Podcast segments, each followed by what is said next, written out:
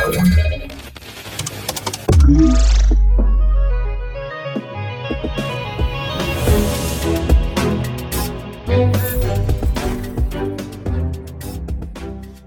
mamy dzisiaj naprawdę upalny piątek i to jest ostatni dzień tego tygodnia, a dla uczniów ostatni dzień e, roku szkolnego, więc przed nami wakacje.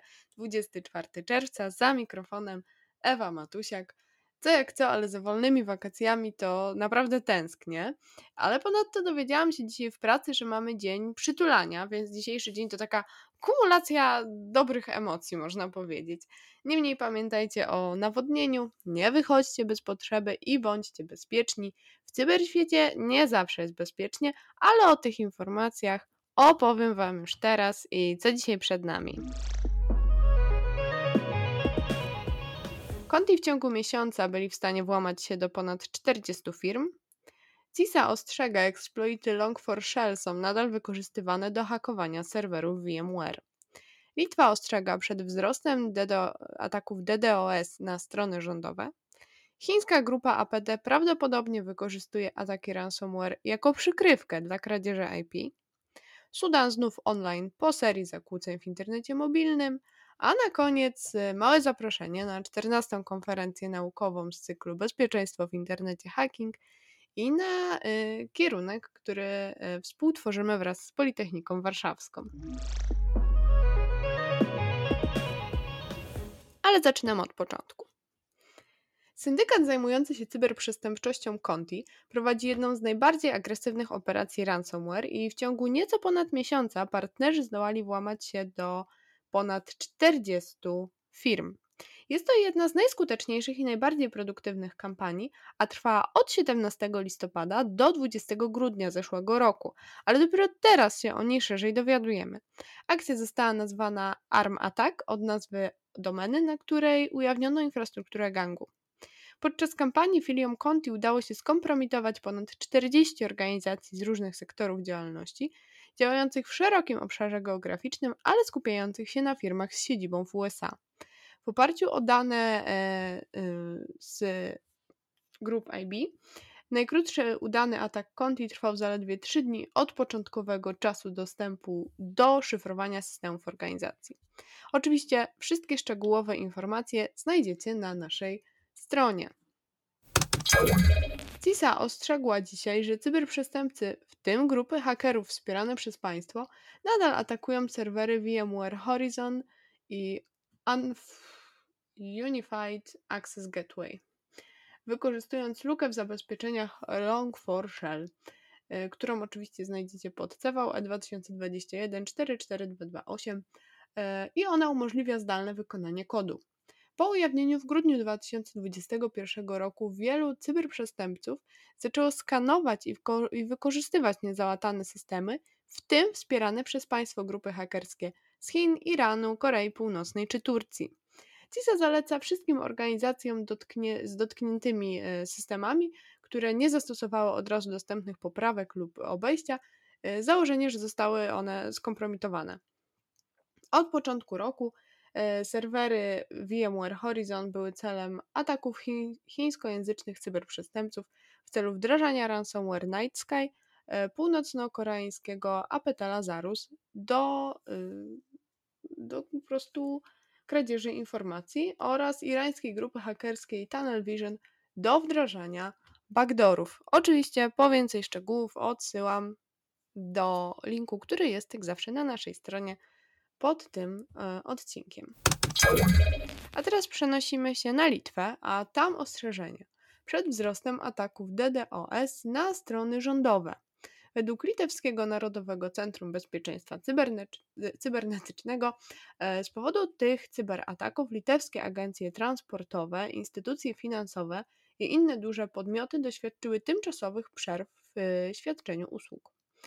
E, NS, NCSC wzywa wszystkich zarządzających krytyczną infrastrukturą informatyczną i państwowymi zasobami e, informacyjnymi do podjęcia dodatkowych środków bezpieczeństwa i przestrzegania e, zaleceń dotyczących ochrony przed atakami zakłócającymi usługi.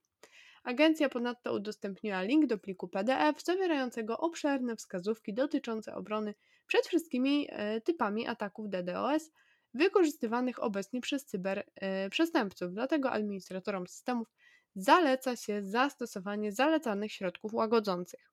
21 czerwca 2022 roku rosyjska grupa aktywistów opublikowała już na Telegramie deklarację cyberwojny przeciwko wielu organizacjom litewskim i ta konkretna grupa aktorów jest odgałęzieniem grupy Killnet. Y, po więcej oczywiście odsyłam do artykułu. Działająca chińska grupa APT wykorzystuje oprogramowanie ransomware i ataki z podwójnym wymuszeniem jako kamuflaż dla systematycznego, sponsorowanego przez rząd cyberszpiegostwa i kradzieży własności intelektualnej. Ofiary grupy, y, y, ofiarą są grupy z siedzibami w USA i obejmują one firmę farmaceutyczną, kancelarię prawną i firmę medialną, ale to również zbiorami w Hongkongu i Chinach. Inne to projektanci i producenci podzespołów elektronicznych w Japonii i na Litwie, firma farmaceutyczna w Brazylii oraz dział lotniczy i, i obronny indyjskiego konglomeratu. Jak dotąd około 3 czwartych ofiar e, Bronze Starlight to organizacje, które zazwyczaj były przedmiotem zainteresowania sponsorowanych przez chiński rząd grup cyberszpiegowskich. E, podczas gdy no, ta akcja zdaje się być motywowana finansowo, to tak naprawdę e, być może jest to cyberszpiegostwo i kradzież własności intelektualnej w celu wspierania chińskich celów gospodarczych. Dochodzenie jednej z grup badawczych pokazuje, że Bronze Starlight przede wszystkim atakuje serwery internetowe w organizacjach ofiar, wykorzystując znane luki w zabezpieczeniach i więcej oczywiście znajdziecie na naszej stronie. A teraz przenosimy się do Sudanu, który znów jest online po serii 11 zakłóceń w mobilnym internecie na skalę ogólnokrajową. I miało to na celu zapobieganie oszustwom podczas krajowych egzaminów szkolnych między 11 a 22 czerwca. Jest to praktykowane od ostatnich kilku lat, choć nie ma zbyt wielu dowodów na skuteczność takiego działania. E, zgodnie z harmonogramem, e, z harmonogramem, harmonogramem opublikowanym przez organizację Access Now, która się zajmuje m.in. prawami cyfrowymi, tegoroczne egzaminy odbywały się codziennie w Sudanie w dniach 11-22 czerwca, z wyjątkiem 17 czerwca. Zaobserwowano wtedy prawie całkowite zamknięcie internetu pomiędzy 7.30 a 10.30 czasu lokalnego. Informacja podobno nawet była wysyłana do abonentów, a dokładne wykresy możecie prześledzić na Twitterze NetBlocks. Szacuje się, że środek ten y, kosztował gospodarkę około 8 milionów y, dolarów w postaci utraconej produktywności i handlu. No i na koniec jeszcze takie y, mam dla Was zaproszenie na 14. konferencję bezpieczeństwa w internecie Hacking, która odbędzie się jutro na Uniwersytecie Kardynała Stefana Wyszyńskiego w Warszawie. I podczas tej konferencji będzie odbywała się nasza gra, którą doskonale zapewne znacie, czyli Cybertwierdza.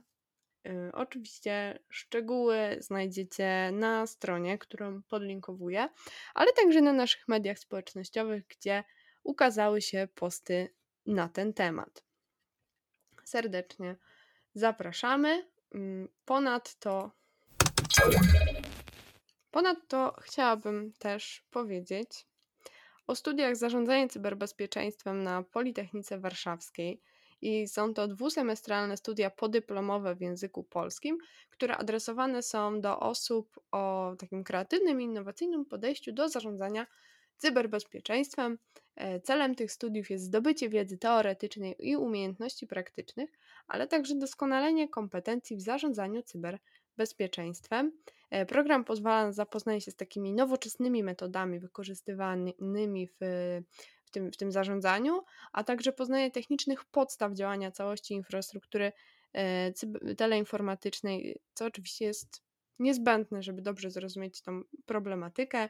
Zajęcia będą odbywać się w trybie weekendowym, w piątki, soboty i niedzielę.